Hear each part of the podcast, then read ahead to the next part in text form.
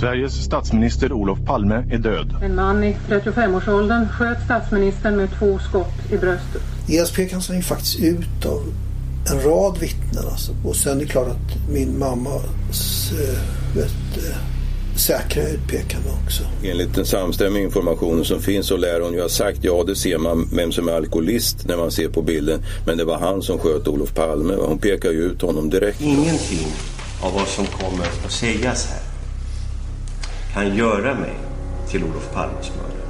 Det kan möjligen göra mig till en misstänkt som döms för mordet. Men jag kan aldrig bli Olof Palmes mördare.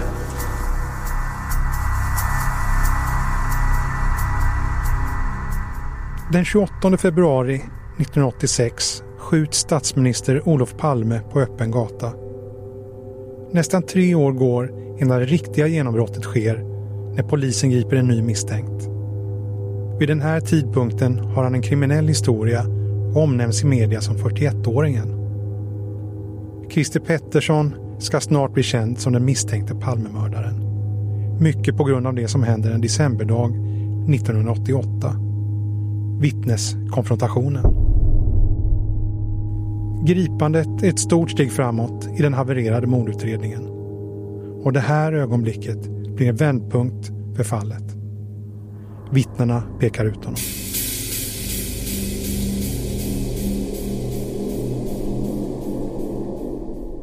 För att få reda på mer om den här händelsen har jag träffat Sonny Björk.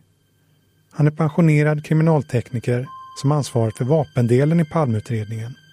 Och tillsammans tittar vi på en bild som togs under den här konfrontationen. På fotot ser vi 12 personer som står uppställda på rad. Den misstänkta har nummer sju. Och det här är ju eh, Christer Pettersson och sen är det ju mestadels då poliser, där någon eller några civilanställda med i det här också.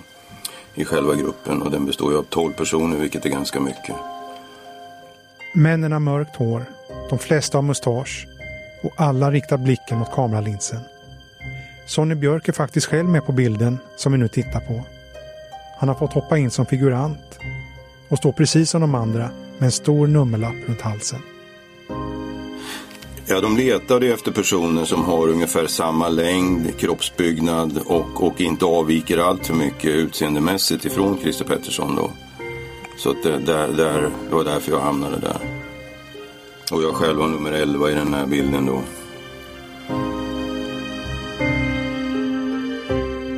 Du lyssnar på en poddserie från Aftonbladet som uppmärksammar 30-årsdagen av Palmemordet. Det här är tredje och sista avsnittet om Christer Pettersson. Jag heter Anders Johansson.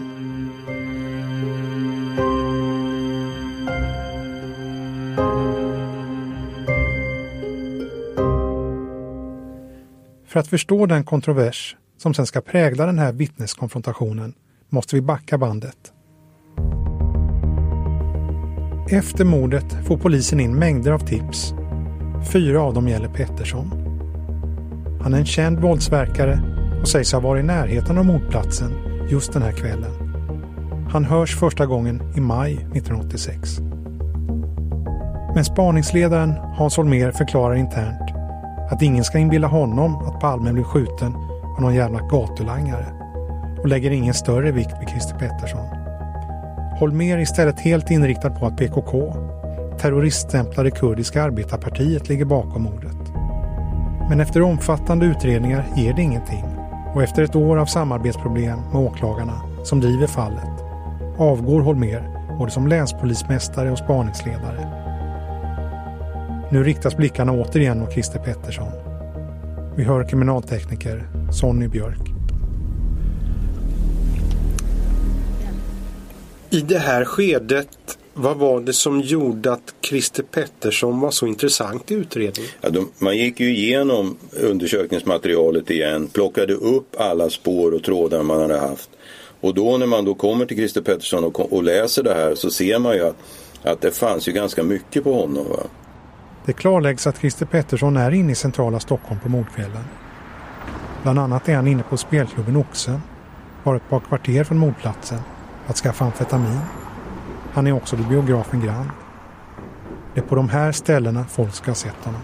Ja, alltså det fanns ju vittnen som påstod som hade pekat ut dem och sagt att det var han. Det var ju så han blev intagen till förhör från början. Att det var vittnen som hörde av sig, personer som hörde av sig och sa att det var, de visste att det var Christer Pettersson som hade gjort det här. Så att eh, han dök upp igen när man gick igenom materialet. Christer Pettersson hävdar att han sen åker pendeltåg hem med tåg som avgår från centralen i vart fall före klockan 11 på kvällen. Sen somnar han och vaknar med slutstationen Märsta och får vända om. När skotten faller på Sveavägen ska han alltså vara på väg hem. Trots att det gått tre år hittar de nya utredarna ändå intressanta saker som kan indikera att Pettersson är inblandad. Han har ändrat utseende efter mordet och börjar odla mustasch.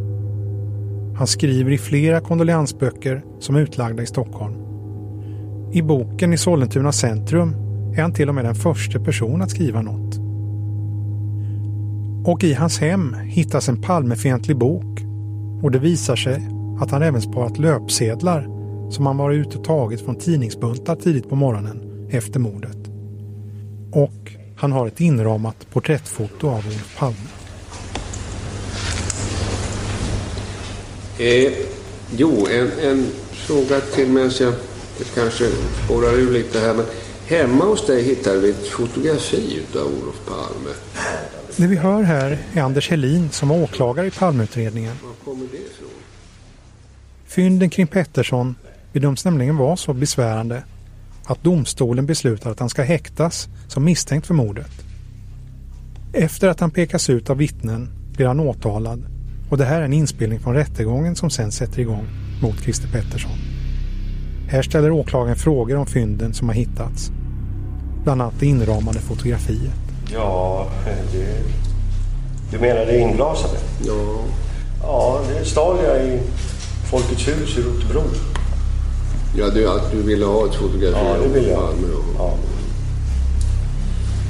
Som ett uttryck för din beundran för honom? Jag tyckte om den mannen, ja. Och de här löpsedlarna från första mars som vi också hittade? Ja, det är samma skäl. Det är samma sak.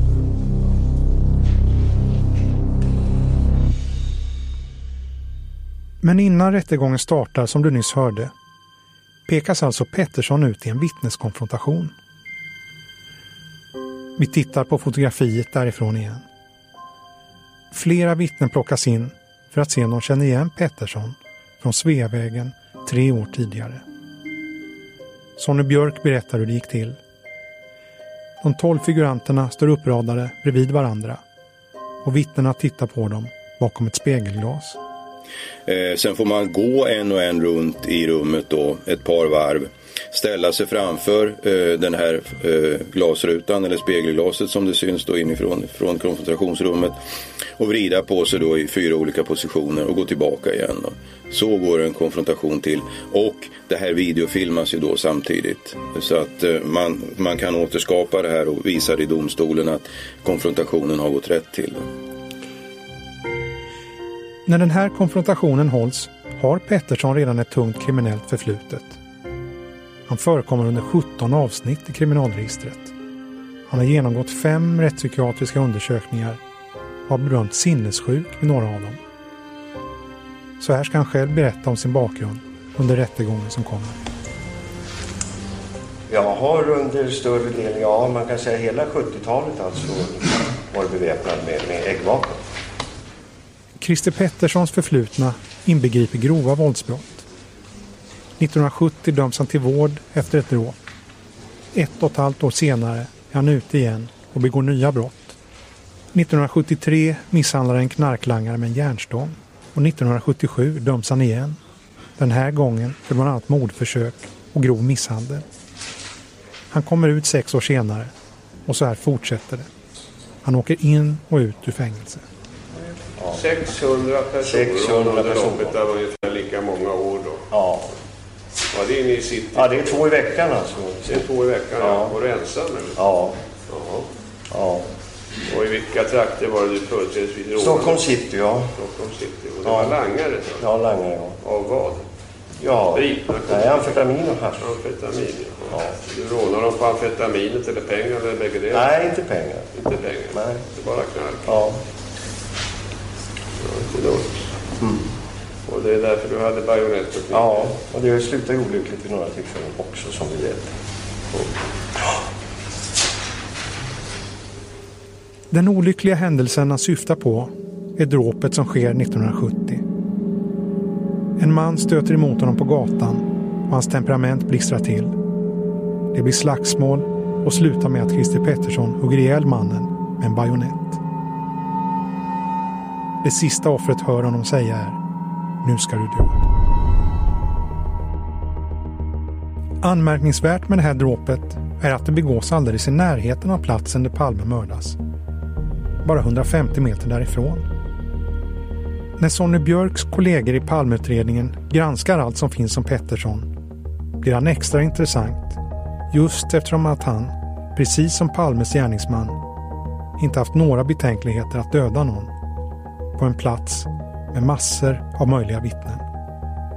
Och det är nu, i december 1988, som vittnena ska säga sitt.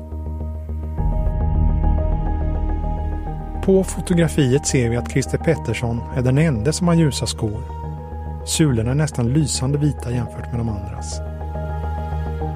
Det här blev också omdiskuterat efteråt.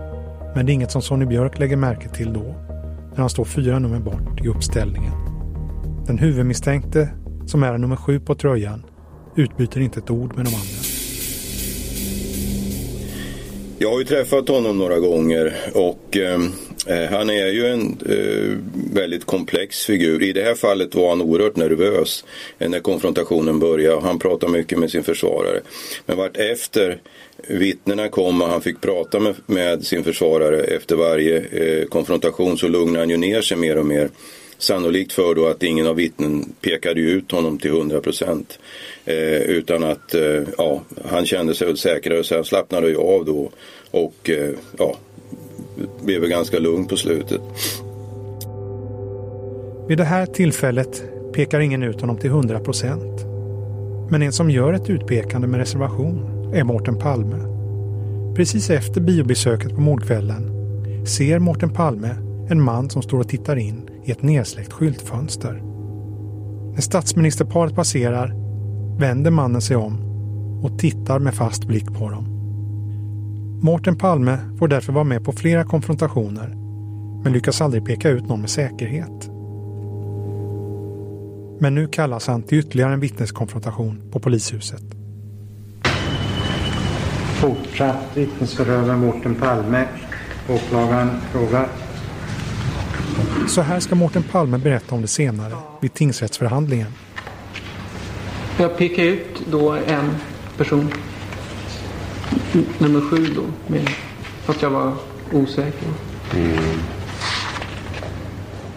Han pekar alltså ut nummer sju, fast med osäkerhet. Och i tingsrätten sitter de plötsligt i samma sal, inte långt ifrån varann.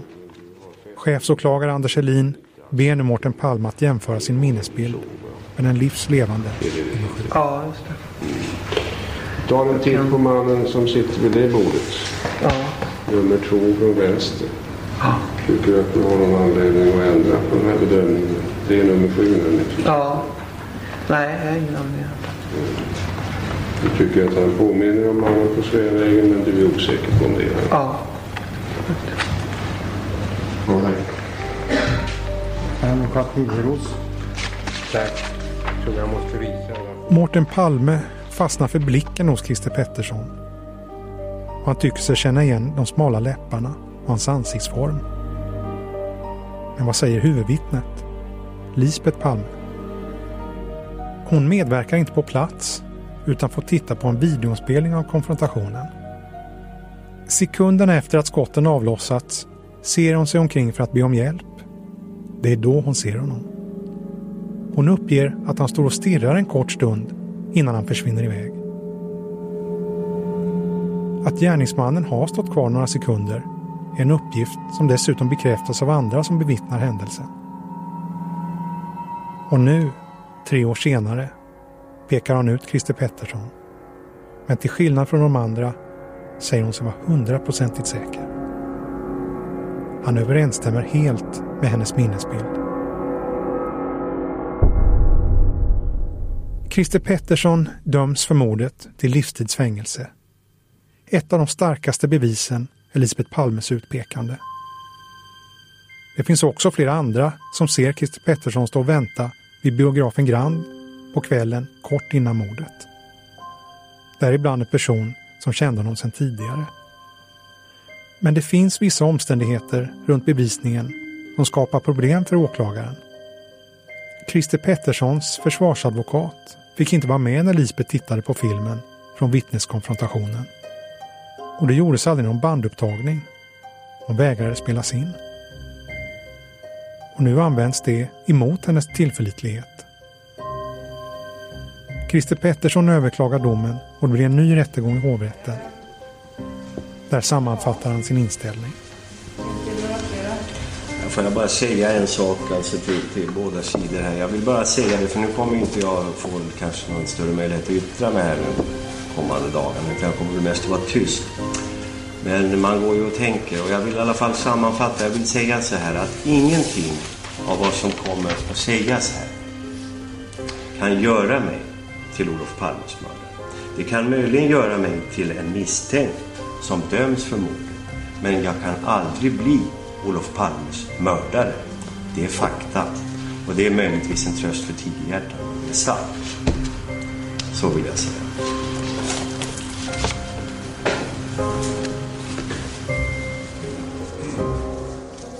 I juli 1989 kommer Svea hovrätt fram till att åtalet ska ogillas.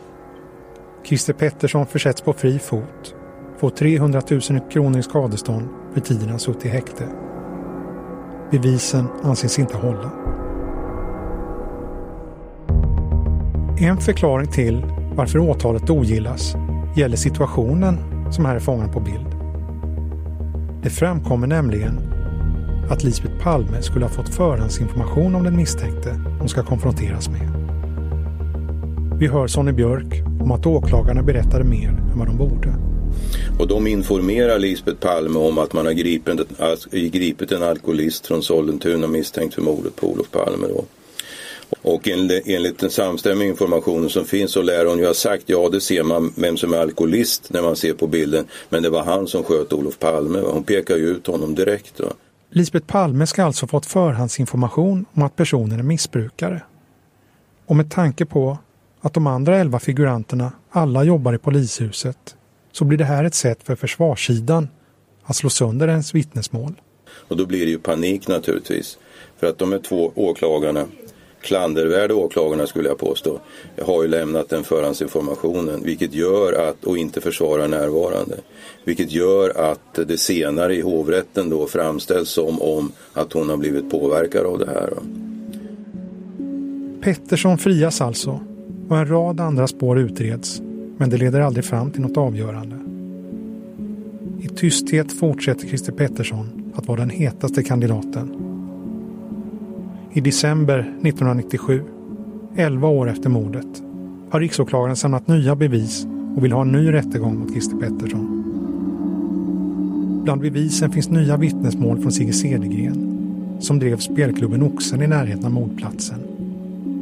Han ligger på sin dödsbädd och säger att det här är en hemlighet som han inte vill ta med sig i graven. Cedergren ska ha överlämnat en revolver med tillhörande ammunition till Christer Pettersson. Av precis samma kaliber som vid mordet.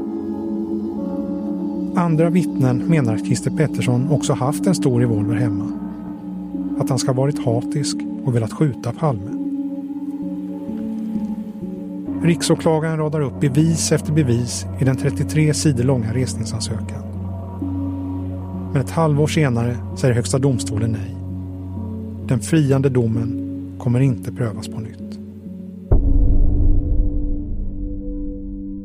Mårten Palme har under åren funderat mycket på sitt utpekande. Idag är han nästan ångerfull att han inte var tydligare med sin uppfattning. Han var säkrare på utpekandet än vad som framgick. Alltså jag kommer ihåg att jag var ganska säker med liksom eh, underdrev kanske den här eh, säkerheten. Alltså. Så det var ju lite skrämmande att vara med på de där konfrontationerna. Vad minns du? Jag fick någon sorts chock, kommer jag ihåg, när jag såg den här konfrontationsgruppen. Jag kände igen honom. Liksom. Jag tyckte jag kände Men ja, det var ju liksom, hade gått ett par år och sådär. Och ja, man tvekade på den egna iakttagelsen. Hur säker är din mamma på att det var Christer Pettersson? Ja, hon är helt säker. Nu är det 30 år sedan mordet skedde. Otaliga teorier och spår har varit aktuella för utredarna, men det har inte lett fram till något resultat. Ingen har kunnat dömas för mordet på Sveriges statsminister. Men sonen Mårten Palme har ändå sin uppfattning klar. Förutom att han själv är vittne är det flera faktorer som gör honom säker på att det är Christer Pettersson. Ja, det är ju sammantaget. Va? Dels så gjorde jag ju själv vissa, jag var ju själv vittne och vissa iakttagelser utanför. ESP kan han ju faktiskt ut av en rad vittnen, alltså både utanför biografen och faktiskt också mellan biografen och mordplatsen. Och sen är det klart att min mammas eh, vet, eh, säkra utpekande också. Också av personer som eh, känner honom sedan tidigare. Det är väldigt svårt att komma runt det tycker jag. Och slutligen har han själv liksom erkänt det flera gånger. Det är svårt att se varför han skulle göra det. Men jag har svårt att se att han inte skulle vara skyldig verkligen.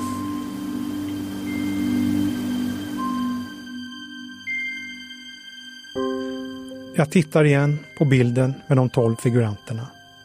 Hur de står uppställda tätt intill varann och tittar in genom spegelglaset. Var det nummer sju som blev utpekad som sköt Sveriges statsminister Olof Palme? Christer Pettersson avled 2004. Kanske tog han sanningen med sig om mordet i graven. Kanske kommer vi aldrig att få veta.